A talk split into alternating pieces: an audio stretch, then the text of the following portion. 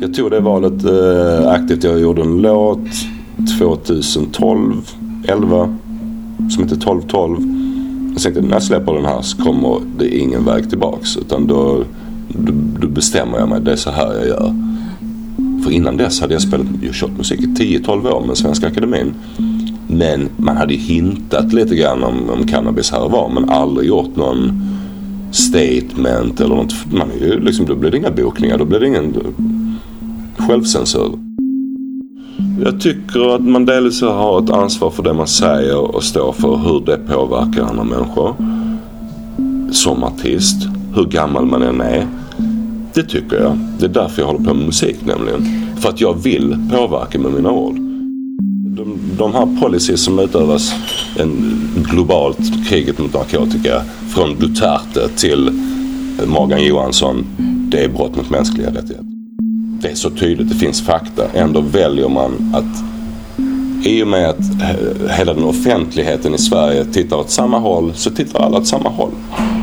Och inte en jävel vågar vända på nacken och säga vad som händer på riktigt. Reggae-musiker, samhällsdebattör och hampabonde. General Knas, eller Generalen som han också kallas, är, förutom sina 20 år som artist, numera även känd som en flitig debattör för svensk cannabislegalisering.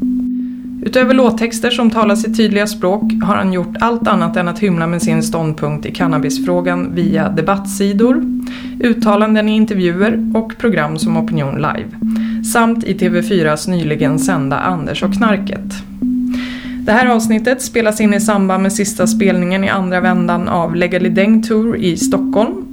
Och även om jag tyvärr gjorde misstaget att stänga av micken alldeles för tidigt hinner vi komma in på allt från svensk narkotikapolitik till aliens. Jag som gör den här podden heter Malin Rotenborg och jag vill rikta ett stort tack till er som stöttar podden och sprider avsnitten. Swishnumret är 0702 88 11 59. Länkar till Paypal och Patreon finns i texten under avsnittet. Tack! Du gör sista eh, framträdandet på Legalideng Tour ikväll. Ja, det blir en liten avstickare här. Eh, så vi är i Stockholm idag då. Spelar på Nalen, gör en avslutning på den här turnén. Det ska bli riktigt trevligt faktiskt. Och Legalideng det syftar ju då på legalisering av cannabis. Ja, det gör det. Det är en låt som jag släppte där. Det är egentligen bara ett intro till. Jag gjorde en låt som heter Dr. Cannabis och då lekte jag lite med ordet Legalideng så blev det som en med int, intro till den här låten. Och sen så gjorde vi om det till en remix och så blev det en turné. Och jag tänkte väl, man, man, man försöker vara så jävla seriös hela tiden eftersom man ska oh, nu ska jag prata om legalisering, nu, ska jag, nu måste jag vara extra så här, sätta på mig kostymen och och vara extra strikt. Men så tänkte jag det behöver man ju faktiskt inte alls. Man kan göra lite skoj också. Så det blev legalidäng. Ja. Mm. Mm. Mm. Och förutom att du då är musiker och det är väl kanske det de flesta känner dig som också. Mm. Så är du ganska mycket samhällsdebattör skulle jag säga. Ja, genom musiken också då har jag alltid fokuserat, inte till 100% men rätt mycket man skulle säga på sociala frågor och så. Och specifikt då cannabis de senaste... Inte för att alla mina låtar, men jag har gjort ett par låtar och tagit vissa ställningstagande i cannabisfrågan sen sju, åtta år tillbaks. Mm. Så det har ju lett till eh, att jag har uttalat mig i andra medier och varit lite med TV och sånt. Liksom. Eh. Mm. Så det kan man nog beskriva det som. Lite samhällsdebattörsgrej. Eh. Ja, bland annat Opinion Live. Är mm. det bara en gång du var med där eller är det fler gånger? Jag var med en gång där. Sen så var jag med Anders och knarket. Som var väldigt, lite i mina ögon ett väldigt speciellt program där arga snickaren. Ja, alla har väl sett det som lyssnar på den här podden så jag behöver inte beskriva programmet. Men ja, det jo, det tycker jag. För okay. det är inte säkert. Mm. Arga snickaren, alla känner väl till arga snickaren. Det, det, behöver, jag. behöver jag inte beskriva i alla fall. Så arga snickaren, det, nu, nu har han gjort ett program där han går ut på att han ska vara hård men snäll mot knarket. Han ska bry sig och så går han in. Men han inte, använder inte hjärnan riktigt utan är bara hård men snäll. Uh, och använder den klassiska gamla svenska knarkmoralismen eller vad man ska säga. Ja, han åker runt i Sverige och kollar hur det ser ut med knark. Ja, precis. Och vi gjorde en jättelång intervju där jag fick säga min mening och sen handlade det om att hur det klipps. Vad lägger man för, för vem får uttala sig sekunden innan jag kommer in i mitt klipp och vad säger Anders direkt efter jag har sagt någonting. Alltså det är kontexten. Hur klipper man mina svar? Vad får man säga innan? Vad får man säga efter? Mm. Och då, det, är, det är väldigt lätt att med media på olika sätt antingen förringa en åsikt eller, eller göra den mindre eh, stringent genom att du vet, förlänga ett foto eller göra vad som helst. Mm. Så där kände jag att där, i båda de fallen faktiskt opinion, där fick jag inte tala till punkt och Anders med knacket där klippte de bort allt allt vettigt jag sa mer eller mindre. Och avfärdade mig som en reggae-musiker när jag hade suttit och snackat i två timmar om det där. Mm. Varför ska de ens intervjua mig om de ska avfärda mig efter intervjun? Which, yeah.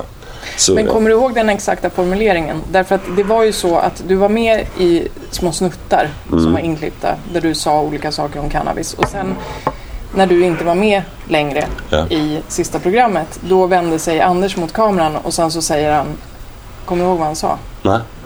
Han sa att det är väl inte så konstigt att en reggae-musiker förespråkar cannabis. Det är och precis, så var det liksom precis, det, precis, det, precis det. Ja, nej, det är väldigt raljerande och ärekränkande och vad ska man säga på alla sätt ett lågt argument. Men det, vad kan man förvänta sig? Um, men är det någonting som du ofta får höra? Eller förstår du hur, hur jag menar? Det är, sällan man kan, det är sällan man får tas på allvar i, såna, i de här frågorna om man har den ståndpunkten som jag har. Uh, sen anser jag att, att det är vi som, som lyfter de här frågorna från ett, vad ska man säga, ett socialpolitiskt perspektiv. Det är, inte bara jag utan det är en bred, det finns kriminologer, mm, mm, massa olika ty, typer av professioner som lyfter samma fråga som jag. Um, men det är väldigt få som får, ta, får tas på allvar. Och speciellt jag som är kulturell kulturutövare blir ännu svårare att ta på allvar. Jag har ingen titel som heter journalist eller forskare i ditt och datt. Utan, ehm, men jag upplever att när man kommer med ett argument så svarar de med en känsla.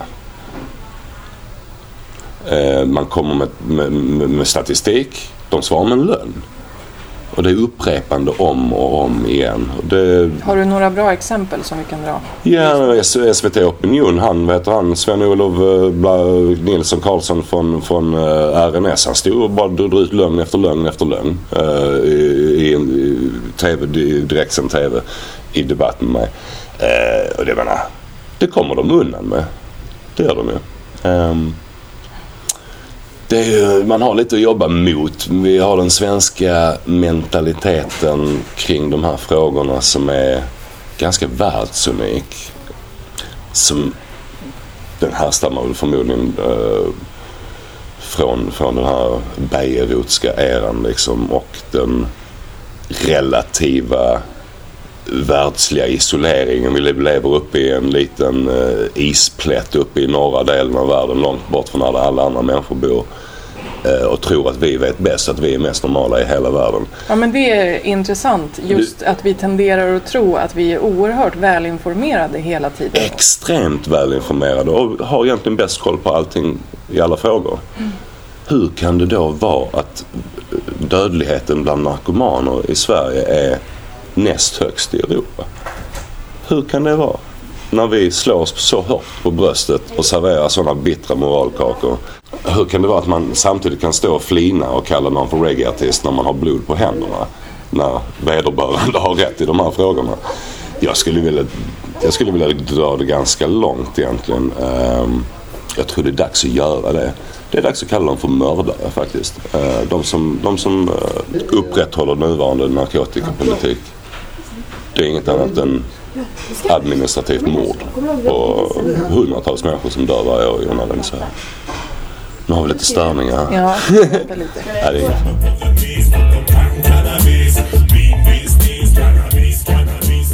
paus. Mm.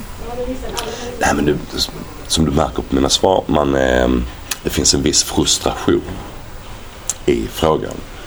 Man vet inte riktigt vilken fot man ska stå på. Ska man, ska man eh, spela på det här eh, det empatiska kortet?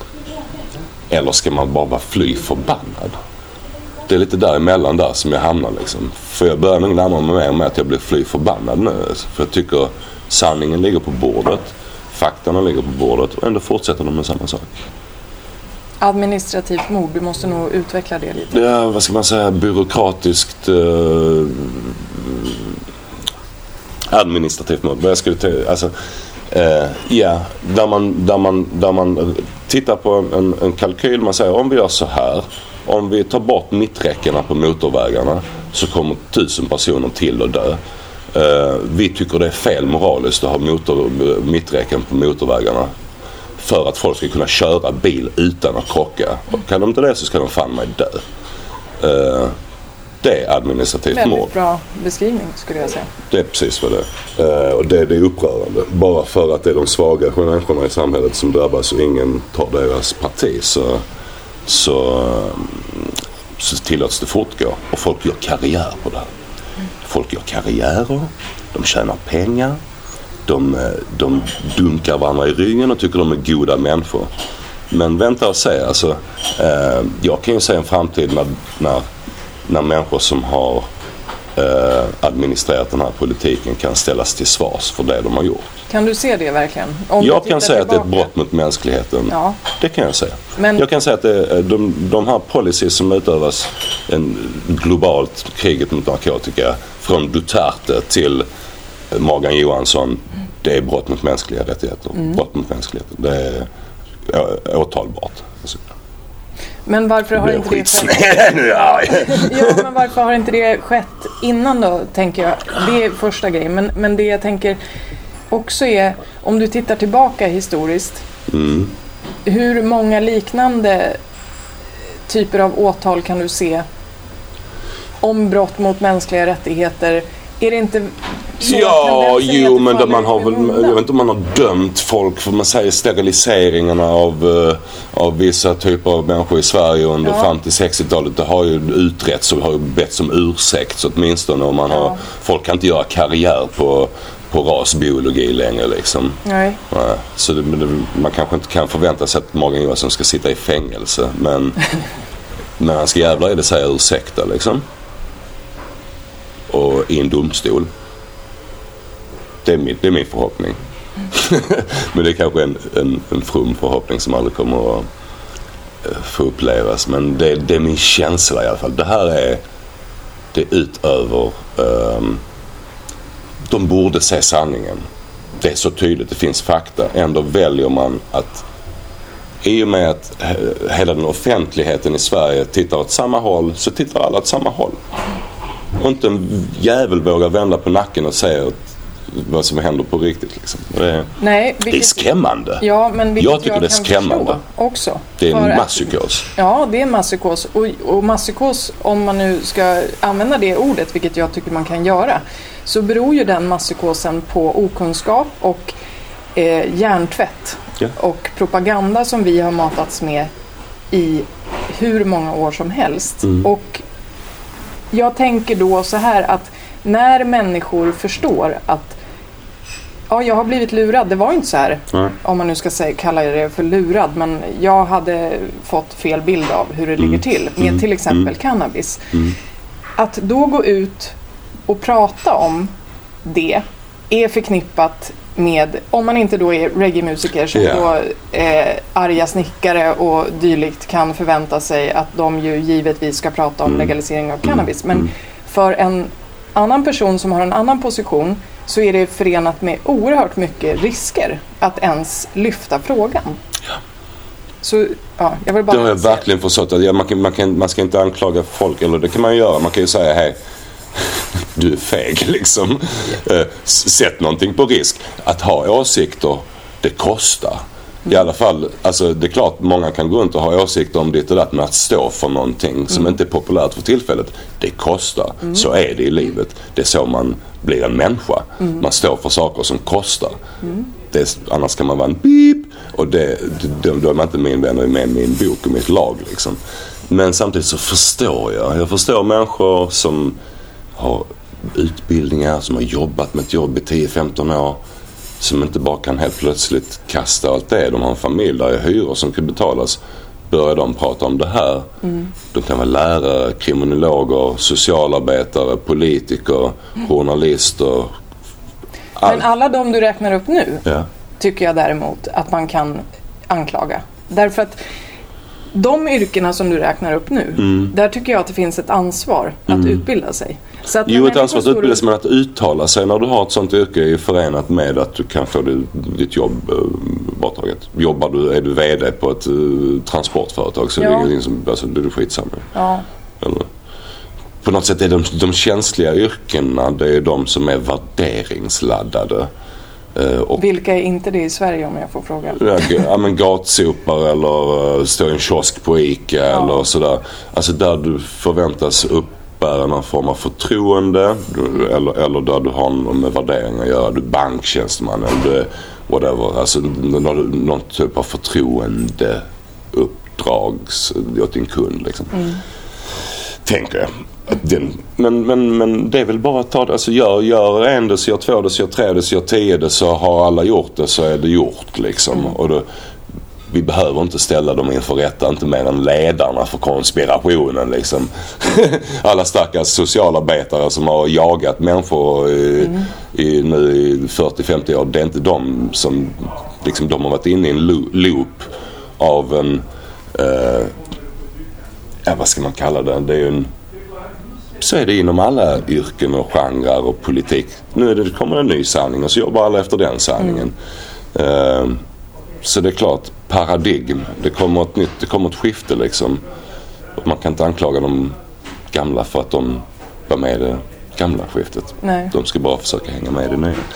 Vilken faktor? Jag, jag, jag, jag, tänker där att, ja, jo, det, för hur kan man nå dit? Hur kan man få folk att ta mod till sig att säga, det här verkar faktiskt vara fel. Uh, vi ska inte jaga folk som använder cannabis. Nej.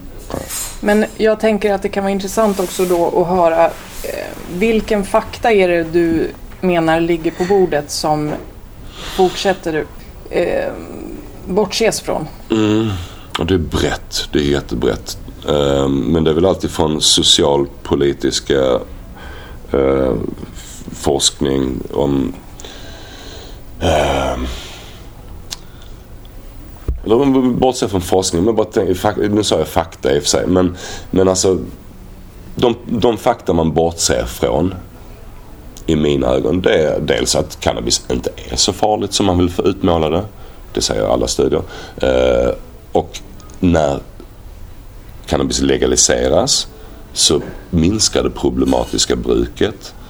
Om du, om du har en mer eh, vårdbaserad, eh, en, en straffbaserad inriktning på de problematiska brukarna. Alltså man kan sitta och rapa fram sådana här typer av, av fakta som, som, som negligeras. Uh, och det är bara att titta på föregångsländer och jämföra. Hur ser det ut i Nordkorea, hur ser det ut i Sverige, hur ser det ut i Portugal? Och så titta på siffrorna mm. och gör lite evidensbaserad eh, policies. Är det så populärt nu för tiden? Man ska titta på siffrorna. Mm. Du bara gör det. Eh, så då anser jag att du har de medicinska, kemiska fakta så att säga. Eh, du har socialpolitiska, du har kriminologiska, du har ekonomiska. Mm, vad skulle hända om vi legaliserade cannabis? Eh, betydande skattemedel. Eh, folk som kan få komma in i samhället som, som inte får vara med idag. Vi vill vara med ju. Alltså vi vill, vi vill skapa ett samhälle där alla kan vara med. Det finns inte idag. Eh, det vill jag vara med och skapa igen. Det, det tänker jag att man kan. Men då måste man ta tag i den här frågan bland annat. Mm. När du pratar om problematiskt bruk, när mm. du säger så, vad menar du då? Eh, det är ju någonting som individen och människor runt omkring den kanske definierar och upplever. Ehm, Problematiskt bruk av cannabis kan vara att man börjar för tidigt. Att man upplever att man röker mer än man vill. Att man eh, säger nej till andra intressanta saker i livet för att man eh, är mer fäst vid sitt cannabisbruk. Att man, det finns jättemånga olika mm, potentiellt problematiska aspekter med cannabis. Mm. de blir inte färre utan snarare fler om man har en förbjudande, stigmatiserande politik. Människor har mer problem med cannabis i Sverige än i andra länder vad jag upplever. Folk är mer nojiga, folk får paranoia och folk känner sig stigmatiserade, dåliga. De, de blir inkreativa, de, de, de gör ingenting. De sitter hemma och spelar. Det gör man inte i andra länder när man är smaker. För här så gömmer vi oss. Och här känner vi att vi är dåliga och vi, vi kan absolut, vi kan inte bli företagsledare för vi röker ju cannabis ja. Det kan man visst då. Man kan också bli, man kan, man kan bli precis vad fan man vill. Det är det jag försöker säga.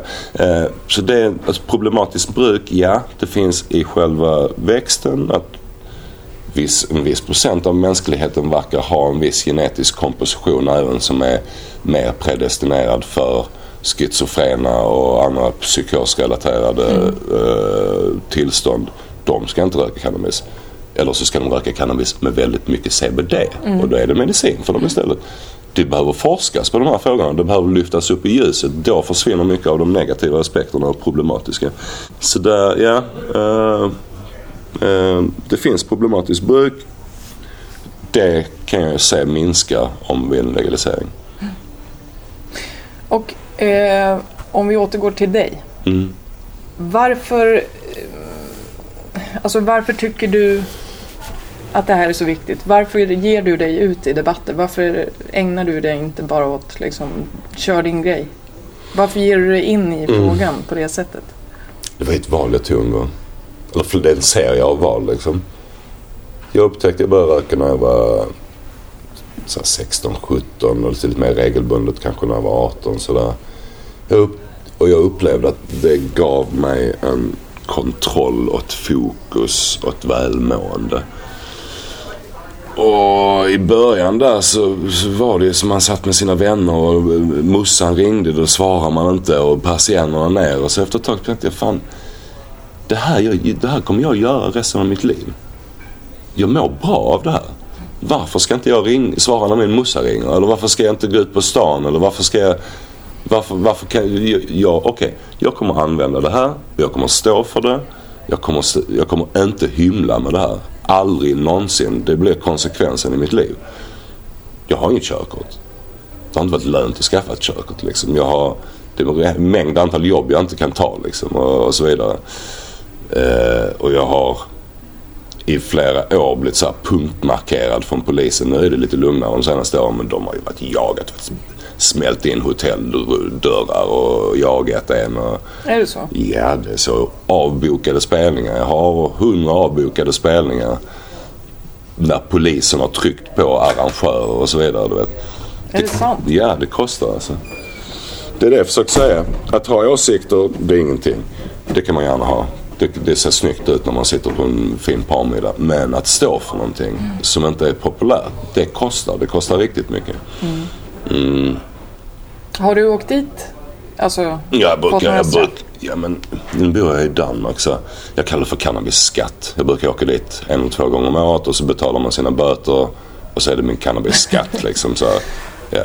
Jag har inga lagen och jag är, I don't care really. Mitt moraliska förhållande är mellan människor och Gud. Det är inte mellan mig och lagboken liksom.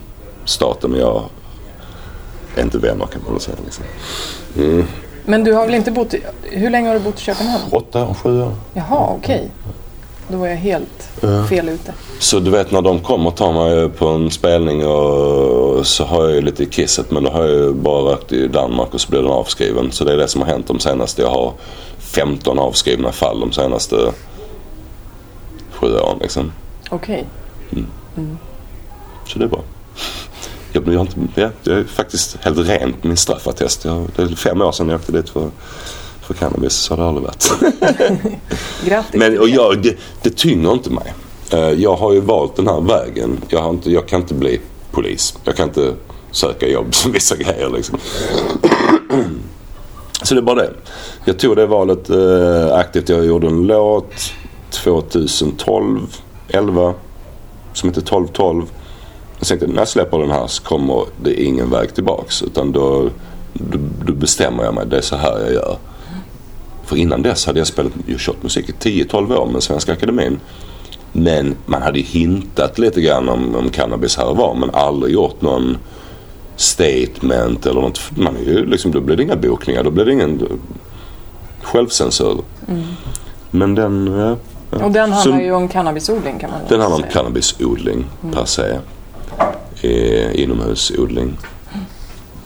Mm. Sen har jag gjort ett gäng låtar efter det. Jag har gjort några cannabisaktivist, Dr. Cannabis och Legalizing och... Eller finns ju ett gäng. Inte jättemånga men det är några cannabisrelaterade låtar. Men finns det några Jag förstår, andra? det, det blir ofta de bästa låtarna också. Det är det. För jag tycker om det så mycket. Ja. ja, och varför tycker du om cannabis så mycket? Ska helt, nu, nu, nu kommer det, nu, jag vet inte om jag ska dra det all, gå all in för det kommer ju låta som man är i någon jävla sekt eller något. Alltså, men Uh, jag älskar cannabis. Verkligen från botten av mitt hjärta. I, jag kan inte förklara hur mycket. Uh, det har verkligen gett mig oerhört mycket. Uh, vänskap, hälsa, närhet till eh, Gud har gett mig pengar, det har gett mig jobb, det har gett mig inspiration, framtidstro, det ger mig ja, en sund mage, det ger mig kläder, det man... Du kan göra allting med cannabis. Nu är det så här, mänskligheten står inför en situation. Vi har fuckat upp det totalt. Vi har använt gammalt dinosaurieblod och kört sån- sån här olja. Gamla, gamla, gamla. Du vet, det har levt varelser i, i miljarder år. Helt plötsligt ska vi bränna upp all den där energin och så tror vi att vi kan bygga en civilisation kring det. Mycket spännande. Och vi stoppar i oss syntetiska mediciner och vi stoppar i oss, alltså. Vi är helt fucking vilse. Hej, här kommer en planta du, du kan lösa nästan alla de här problemen om du använder den här plantan. Nu låter det nästan patetiskt men så är det ju faktiskt. Du kan klä dig, du kan bygga, du kan, vi kan göra typ nästan alla konsumtionsvaror vi behöver. Förpackningar, emballage, eh, tält, alltså, kläder, eh, bilar, parkbänkar, örhängen, tandborstar, whatever. Allt gör vi av hampa. Ingen mer petrokemiskt. Det är inte bara hampa, det är andra bio, bio, biokemiska produkter som är bra att ha som skogsrester eller whatever. Men hampa är outstanding, de starkaste naturfibrerna. Bland de starkaste naturfibrerna. Eh, Producerar, vad är det, åtta gånger mer cellulosa per hektar än vad en normalväxande skog gör. Eh, antibakteriella egenskaper i tygerna. De håller tre gånger längre. Alltså listan det, det tar ju faktiskt inte slut liksom. Eh, och när man börjar titta in på det så blir man ju lite så här. Oh, okej. Jag har, för jag har ju alltid älskat cannabis men hampa har jag fått, ett, alltså hampa det är, samma, det är samma ting men den industriella applikationen av växten om man säger.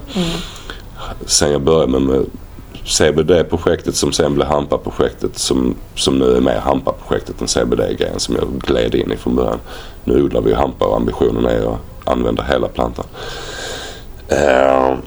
Och de, de den potential som finns i plantan både för fibrerna, för en omställning till en grön industriell revolution och, eh, och gå bort från en animalisk animaliska proteiner till, till eh, vegetabiliska proteiner och så vidare. Eh, det är en källa till omega som inte finns i andra vegetabiliska sorter. Vad vet du den? GLA och andra. Alltså, de kan, du kan odla den i hela världen. Och den behöver ingen, ingen bevattning. Den behöver ingen besprutning. Den växer på ganska liten kvävegiva. Den gör jorden bättre och bättre år för år. Sår du den och du odlar vete året efter så kan du skörda 15% mer på ditt vete. Bla, bla, bla, bla. Den remedierar, jorden. Den blir bättre, jorden blir bättre och bättre varje år du har använt din hampa. Och sen då har vi inte ens kommit till cannabinoiderna och terpenerna, flavonoiderna som, som, som direkt motsvarar vårt viktigaste signalsystem i kroppen. Vad är det endokannabinoida systemet som, är, som, som reglerar basic funktioner som sömn, aptit och alltså vår, vår homeostas och balans mellan olika organ i kroppen. Eh, och vi har, har börjat skrapa på toppen av vad det kan innebära och vi har börjat skrapa på en, kan två cannabinoider av 120. Alltså potentialen är beyond eh, vad man kan förstå. Och då har vi inte ens börjat snacka om nanomaterialen man kan utveckla från hampa. Man går ner på nanonivå. De gör ju sådana här grafen, nanografen, eh, supermaterial, superconductors, batterier. Eh, om du bryter ner ett, eh, ett, ett ämne ner i nanonivå och sen bygger upp kedjor av det så får du speciella egenskaper. Och specifikt hampas kolatomer i nanokedjor är extremt användbart. Du kan bygga, ja, ja det där är the future liksom. Men det, det är väldigt spännande. Så det är det. Det är från vår begynnelse. Bara det? ja, det var bara det. Och dessutom så är det ju faktiskt en av de första jordbruks... Eh, var en av våra första kultivarer. Den, den finns med sen, sen vår jordbruksrevolution för 25, 30, 40 tusen år sedan när vi, när vi nu började i Kina för en gång i tiden. Liksom. Och den spreds över hela världen instantly. Man har hittat pollenrester från öster om Östersjön för 25 000 år sedan. Uh, det är den växt som vi har burit närmast. Det är vår modersplanta. Det, det, det är kanske den plantan som har domesticerat oss och inte tvärtom. Vi är tjänare åt hampan och den ska spridas överallt. And I'm fine with that. Ja. Okej. Okay. Jag kan fortsätta tio timmar till. Nej. Men det där är väl ett, ett grundläggande svar för vad, vad jag, varför jag älskar hampan och cannabisen. Och sen mår jag jävligt bra så tycker jag om att puffa den alltså. Ah, På vilket Gud. sätt mår du bättre? Du nämnde magen. Mm, ja, hälsa och fokus och jag har alltid varit lite så studsig av mig och i mina yngre tonår och så vidare haft rätt mycket vad ska man säga, koncentrationssvårigheter lite grann sådär. Det har varit mycket, det, pågår mycket upp i huvudet liksom. Och ska jag få fokus och göra en sak ordentligt av de där tio som pågår samtidigt så fungerar cannabis perfekt. Det är grundläggande. Och när det gäller människor omkring dig. Mm. Eh, polisen är inte så förtjust i dig. Eh, Jo, de är det. Ja, ja okej. Alltså så enskilda snutar som jag träffar när man är speciellt, alltså det finns ju alltid ort, vissa orter och vissa poliser som är otrevliga än andra men jag skulle säga det, jag är ju en, jag är en, jag skulle säga en åld, medelålders vit man också vilket spelar in liksom så här, det är klart. Så när jag står och röker en joint, det kommer någon polis. Det har hänt många gånger att jag bara står och håller den bakom ryggen och vi står och snackar om musiken. Ja, ja, ja. Ja, okej. Ja, ja, ja. Ja. Ja. Men annars, när det gäller stigmat kring cannabis. Mm. Eh, hur har det varit för dig under alla dessa år där du både har brukat och propagerat för en legalisering?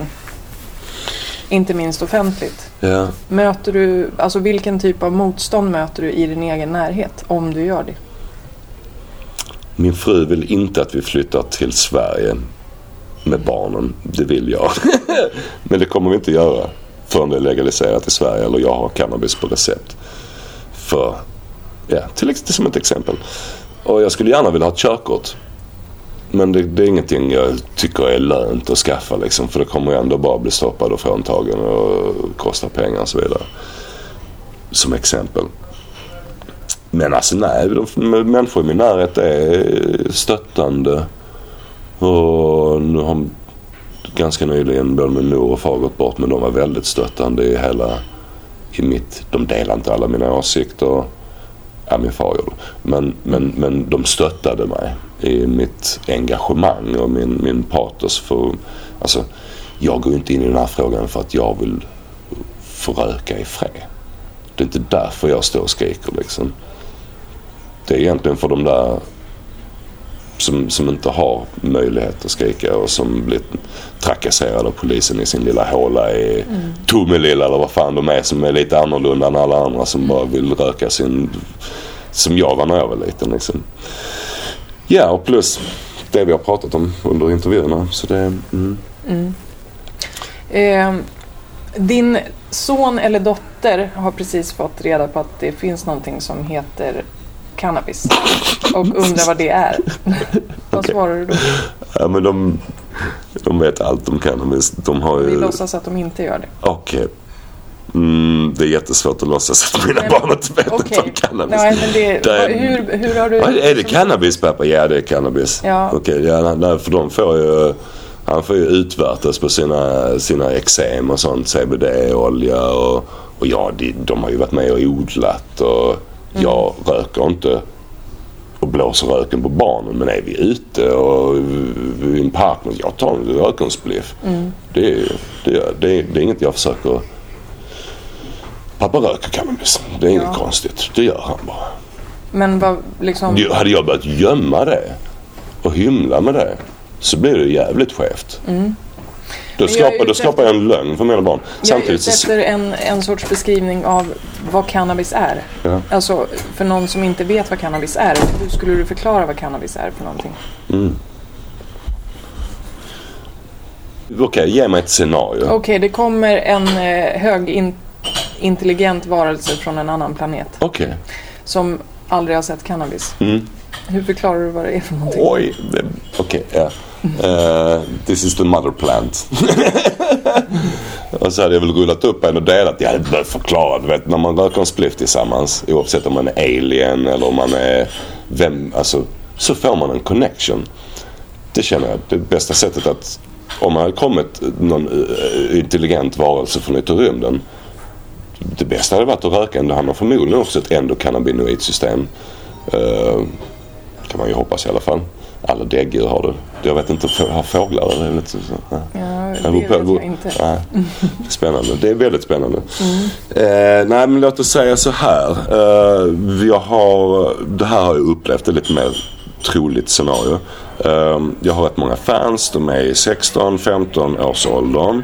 De frågar mig är det coolt att röka cannabis? Du säger nej, det är inte coolt att röka cannabis. Uh, det fungerar medicinskt jättebra för vissa. Uh, är man ung så ska man inte röka cannabis för ens hjärna är i utveckling enligt forskningen.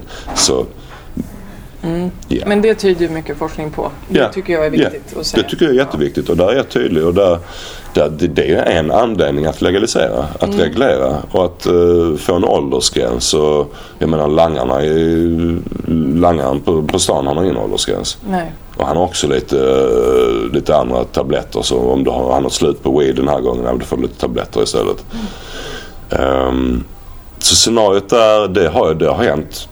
Jag har ryckt spliffar och händerna på tonåringar och rökt upp dem själv framför ögonen på dem. Det här är till vuxna. Så Det är, det är ingenting som, som ni barn ska hålla på med. Mm.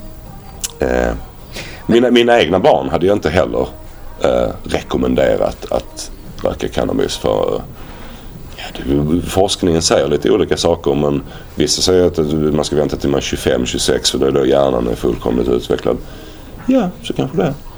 Jag har en del vänner som inte började förrän de var 30 liksom. Och de, många av dem som har börjat senare har ett sundare förhållande till mm. cannabis kan jag känna. Men det är ju också på grund av just det här systemet som du pratar om i kroppen. Mm. Det, det hänger ihop med det, att det mm. ska få utvecklas färdigt också. För att om vi inte låter det utvecklas i fred, precis som en massa andra saker i kroppen, då kan vi ju komma in på massa kemiska mediciner och allt sånt också, men det ska mm. vi inte göra nu. Ehm, man, då, man, då, man förhindrar cannabinoida, endokannabinoida systemets utveckling om ja. man använder det för mycket. Ja. Så är det också i vuxen ålder. Mm. Receptorerna, ju mer du använder desto färre receptorer får du. Mm, inte, inte initialt. Initialt så ökar de. Mm. Det är vad jag har läst. Nu är det så. Ja. Du, du ökar ditt intag, du får fler receptorer och sen så när du har uppnått en viss dos så sjunker de igen. Och då måste du ha en viss paus då och då för att, eh, för att eh, öka receptormängden igen. Mm. Eh, men alltså Ja, det, är, Det här är inte min specialitet men det är vad jag har när man läser bloggar och sånt. Man skulle gärna vilja veta mer liksom. Men är inte det för att man mättar kroppens behov också? Så kan det att man säkert vara. Lite... Så kan det säkert vara. Men, och då kommer vi till en, en eh, fråga som jag tänker är bra om du får Mm. prata om just här. Därför att det är ju väldigt mycket moraliserande tack vare den propaganda vi har. Och även om jag också tycker att det är jätteviktigt att vara tydlig med att ungdomar ska inte, så som forskningen ser ut, hålla på att ägna sig åt cannabis. Jag tycker det är viktigt. Men sen så kommer vi till det här stora moraliserandet. Som inte minst gäller människor som du som står på en scen och som håller på och sjunger om cannabis och står på bilder med liksom jointar och allt vad det kan vara. Liksom. Du är helt enkelt öppen med att du gillar cannabis. Ja.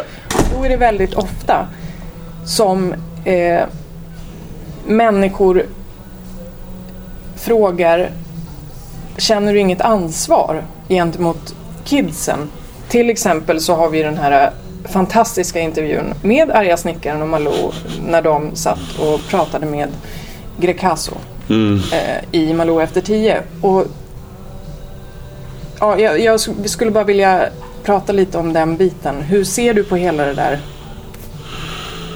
Jo men det är klart man influerar eh, kids. Möjligen kan det ha någon viss romantiserande inverkan på uh, några för unga människor.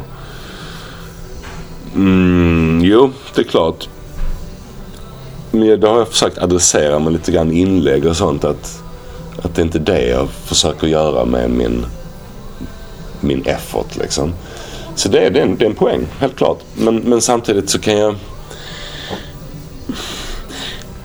Det är svårt att... Alltså det är konst. Och det är, det är ett sätt att uttrycka mina värderingar, mina känslor. Vad, jag är inte politiker. Det kanske jag blir någon gång, men det är inte i nuläget. Så det, jag driver inte en politisk agenda som kan tas ansvar för i en form av politisk kontext eller utkrävas liksom ansvar för att jag har utfört någon åtgärd eller någonting. Det är påverkansarbete såklart. Uh, ja, jo, nej, det, det, man måste resonera kring sådana här frågor. Det finns, det finns inga... Nej men för det jag är ute efter är faktiskt Mm. inte att- fråga Känner du inget ansvar? Mhm. Utan det jag är ute efter är Är det ansvarsutkrävandet verkligen eh, riktat åt rätt håll? När man håller på och frågar konstnärer och artister. Ja, delvis. Det är det jag försöker komma fram till. Att, Jag tycker inte det. nej, de säga. flesta tycker inte det. Men jag tycker det delvis. Alltså. Jag tycker att man delvis har ett ansvar för det man säger och står för hur det påverkar andra människor. Som artist. Hur gammal man än är. Det tycker jag. Det är därför jag håller på med musik nämligen. För att jag vill påverka med mina ord.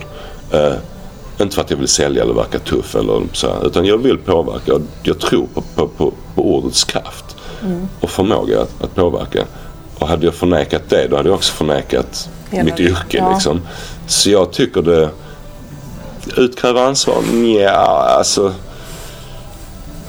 Men då måste vi ha en domare Vi- också. Det är ju det jag menar. Ja men domaren får väl vara en själv när det är ingen som kan utkräva det där ansvaret. Men jag önskar att artister eh, tänkte de tankarna. Inte moraliserande utifrån en arga snack, snickaren perspektiv. Fuck han liksom. Men, men vad är det för musik jag vill, vad är det för budskap jag vill leverera? Vill jag bygga en positiv eh, vill, vad vill jag göra med min musik? Vill jag ge människor energi och kraft att utveckla sig själva och världen till ett bättre samhälle, dansa, eh, ha det bra, skapa energi? Eller ska jag bara fucking sälja och streama och spela tuff och, och låta som alla andra? Och för mig så är 90% av en, s- alltså jag, nu ska jag inte uttala mig för mycket men jag skulle vilja ta en lie och köra över den svenska musikscenen. Okej. Ja. grund Och, och ja, på grund av att det bara blaj liksom. Det är bara fucking blaj liksom. Det är introspektivt eh, eh, kommersiellt skit. Alltså i stort sett all jävla musik som produceras i Sverige. Antingen självupptagen, eh, eh, självupptagenhet om, och, och svåra, oh jag är så konstnärlig. Eh, eller så är det bara så här eh, yta, kommersiell yta. Eh, I mina öron så är det så alltså. Jag har jävligt svårt för den scenen. Jag anser att jag verkar i en av de smutsigaste eh, scenerna, en av de smutsigaste eh, industrierna i världen är musikindustrin. För vad vi gör det är att vi våldtar människors hjärnor och deras hjärtan och implanterar drömmar som inte är sanna. Och det är jävligt fult. Och jag har inget egentligen, alltså det, det, blir, det blir, men när du ställer frågan så måste jag liksom utveckla den. Eh, jo, alla människor har ansvar inför vad de säger och hur det påverkar andra människor. Eh, det ansvaret är samma oavsett om du är premiärminister för Kina eller om du är vem du än är. Alla har ett ansvar inför sig själv och sin ja, skapare. Precis. Och det blir inte större för att du har en mikrofon. Det är en viktig sak. Mm. Alla har samma ansvar. Eh, men du har ett ansvar. Ja. Det har Gricasso också och det har också jag och det har alla. Alltså, man kan inte hålla på och, och tro att man är neutral för att man gör som alla andra. Nej, Nej, men är bemötandet om man då tycker till exempel att en artist, om jag tycker ja. att du producerar skitmusik. Ja. Ska jag då kräva dig på ansvar för att du till exempel påverkar min tonåring hemma att exempelvis röka på? Ja, det, det skulle du kunna göra faktiskt. Du ställer inte ställa till ansvar men så ifrågasätta. Varför inte? Jo, men jag tänker att det, alltså man kommer ju direkt in i en återvändsgränd av mm. det resonemanget. Därför det blir lite videovåldsdebatten igen liksom. Det blir ja, det, alltså, och alla... det jag menar är att det som behöver göras istället då är mm. väl att snacka om mm. faktan. Om man mm. då vill punktera din, din propaganda för ja, cannabis. Ja, ja. Då är väl en bra idé att förklara för människor att varf, varför det då skulle vara en väldigt dålig idé med att Det är ganska symptomatiskt att de tog in Gekas och inte mig i det där programmet. Jag hade ju bitit ifrån så han hade hållit käften den där idioten alltså. Han var ju en stackars eh, tonåring som, ja. som gjorde bra ifrån sig tycker jag på de, svaren, på de frågorna han fick. Han var den vuxna i rummet. Han var den vuxna i rummet. Men alltså det var inte lätt för han att bita tillbaka. Så han, jag menar, ja, så där, där, där är det väl så. Jo, mm, det, jag tycker det är intressant. Jag tycker, det, jag tycker man ska jag tycker man kan ställa, inte till ansvar, men, men man kan kräva jag tycker det är en intressant debatt att se vad är kultur, vad, vad leder ord till? Det finns, det finns uppenbarligen en effekt av när man säger någonting och gör någonting mm. på en låt eller en skärm eller whatever. Mm. Och, men anledningen till att jag till exempel mm. engagerar mig väldigt mycket i det vi pratar om nu. Ja. Det är ju för att för mig mm. så är det absolut viktigaste i vår gemensamma civilisation det är att vi har en nästintill obegränsad yttrandefrihet.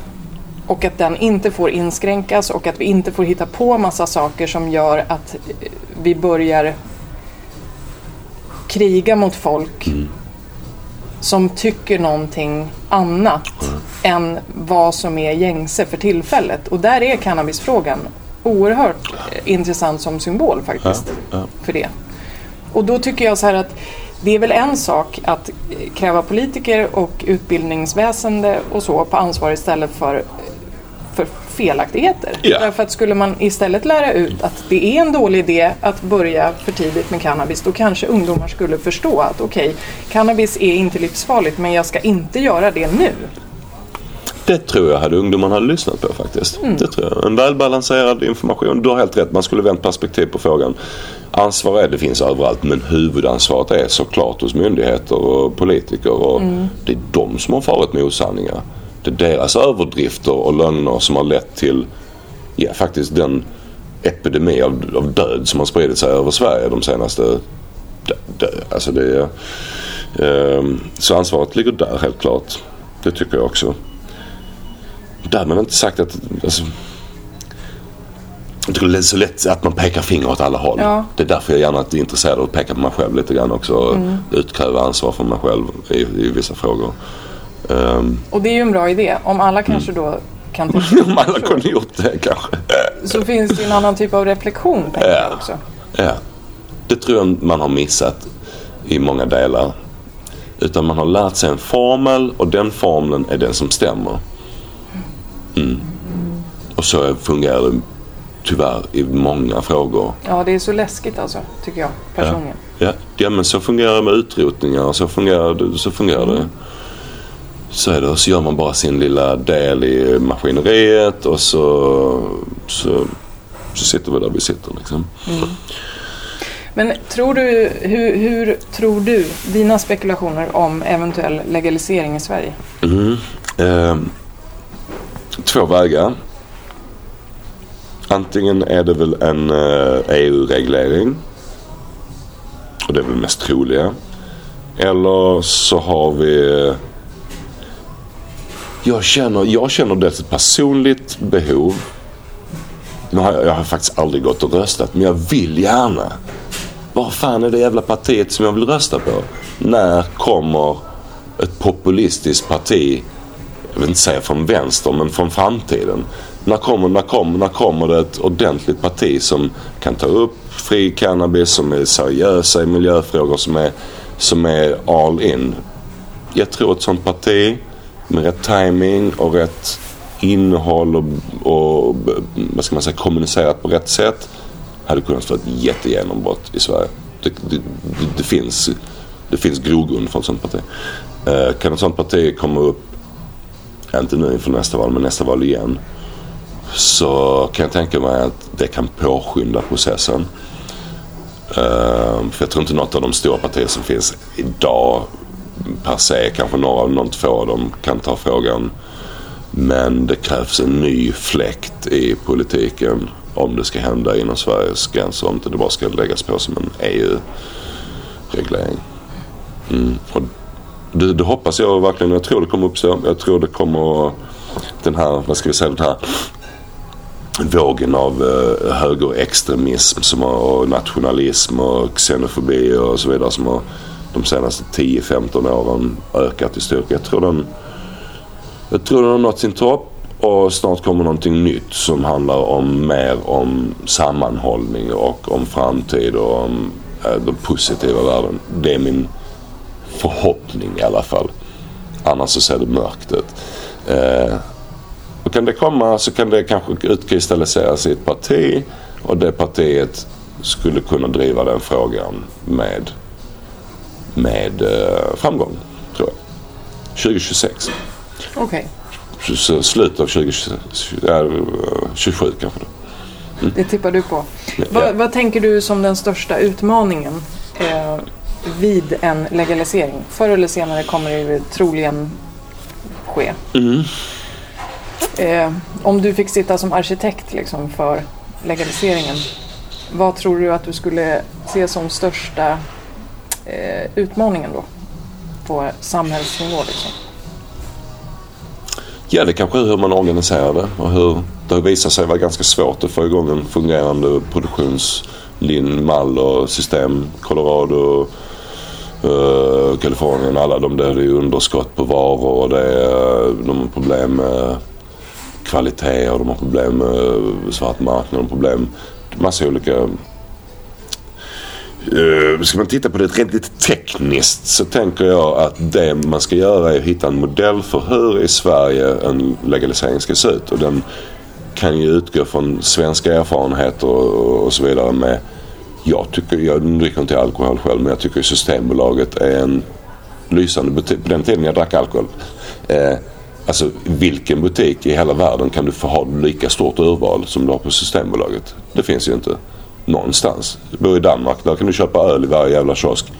Men det är bara tre sorter. Och det är samma sorter över hela jävla byn. Eh, så, så där, jag tänker ja, ett cannabismonopol när det kommer till eh, försäljning tror jag kunde kanske vara vettigt. I don't know.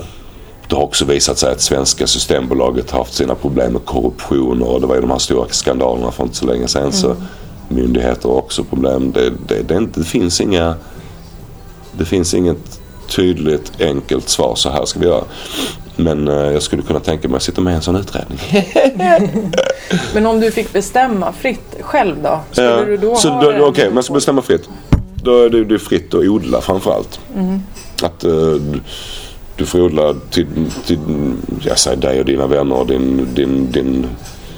Att man kan samla ihop som det finns i... i att alla människor får odla en viss antal eh, plantor. Är de sjuka får de odla några till. Och så kan man samla ihop dem i olika socialklubbar. Så kan man kooperativt odla och så kan man på något sätt plocka ut sin hampa och medicin därifrån på något sätt. Det är väl den optimala modellen tänker jag. Ja, men då vill jag flika in för att det här tycker jag är så intressant. Mm. Till exempel i Kanada, där får man odla fyra plantor fick jag veta Okej. för några dagar sedan. Eh, för eget bruk. Och då undrar jag varför, vad, vadan att det överhuvudtaget ska vara ett visst antal plantor. Ja, Eh, nej. vad tänker du om det? Det är väl kanske lite grann för att man, nej, du har du väldigt stor konsumtion. Det är väl för att uh, försöka kontrollera försäljning och så vidare. Okej. Mm, jag vet inte om det skulle vara någon gräns egentligen. Varför ska det vara det? Man får odla hur många tomatplantor man vill. Sen är det upp till dig själv om du ska göra tomatsås eller om du ska göra ketchup eller Ja. vad du vill göra med dina tomater. Liksom ge bort dem kanske.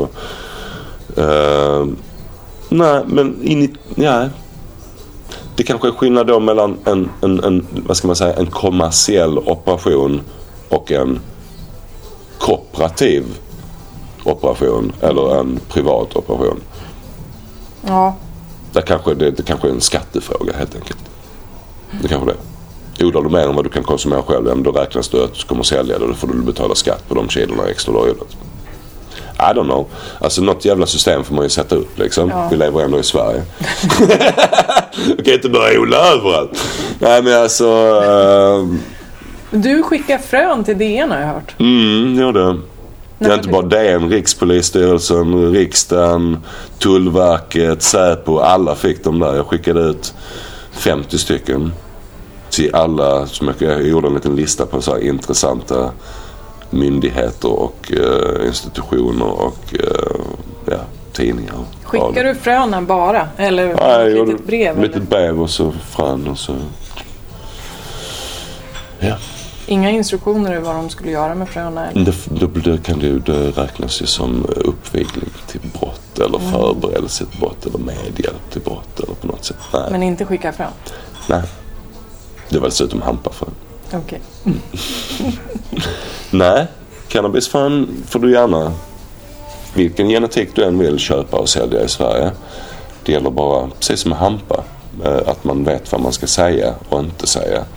Så är det med mycket, så är det med massa andra varor också. Det säljs saker i hälsokost som det säljs som massage till fötterna men alla vet att det droppar i näsan egentligen eller whatever. Så, eh, så är det med massor med grejer. Och där är vi i det läget att det är en gråzon kring många hampaprodukter. Så det handlar ju om hur du uttrycker dig, hur du marknadsför hur du förpa- vilka förpackningar, vilka stämplar, bla bla bla. Det, det är en djungel liksom. Fick du någon respons på fröna?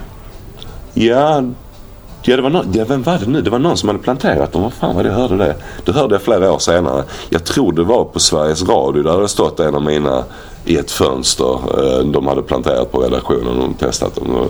De- Eh, vilket är ett narkotikabrott. Plantera dem.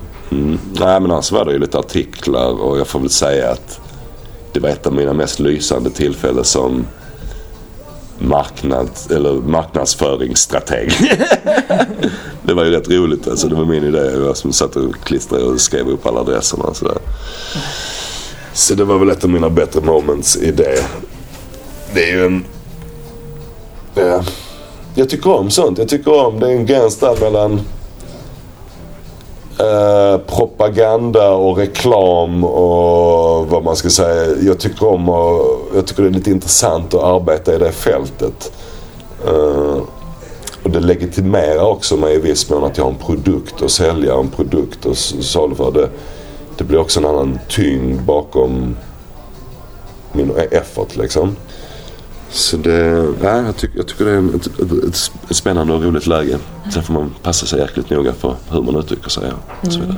Om man Ja, och du blev hampabonde förra året, eller hur? ja, Eh, hur mycket odlar du?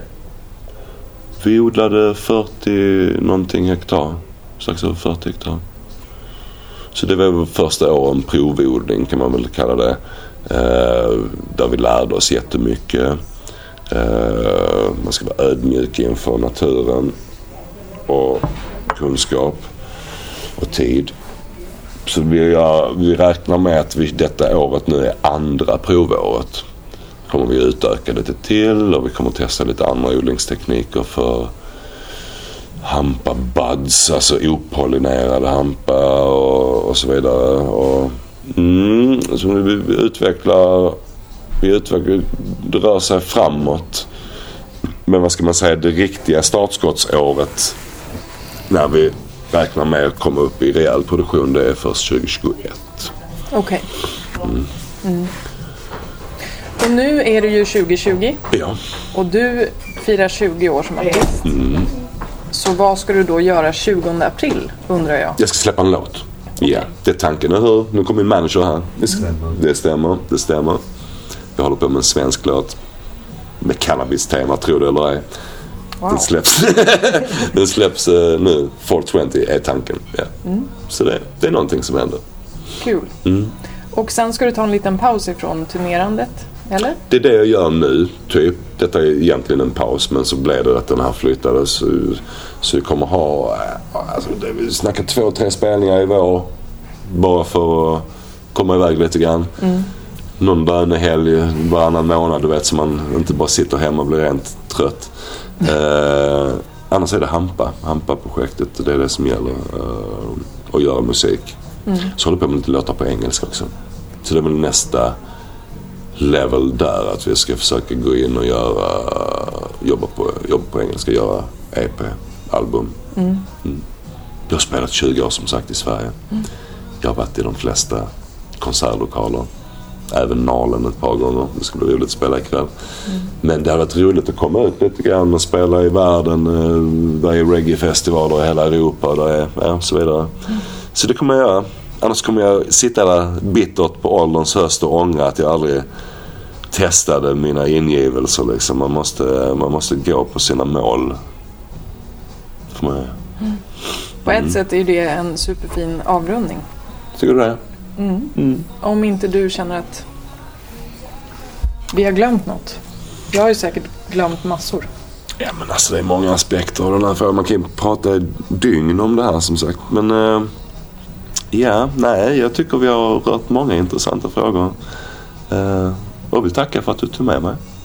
Tack själv för Jag att du ville hoppas att lyssnarna tyckte det var okej, intressant att lyssna på. Det tror jag nog. Ja. Tack så mycket. Detsamma. Generalen. Jajamän.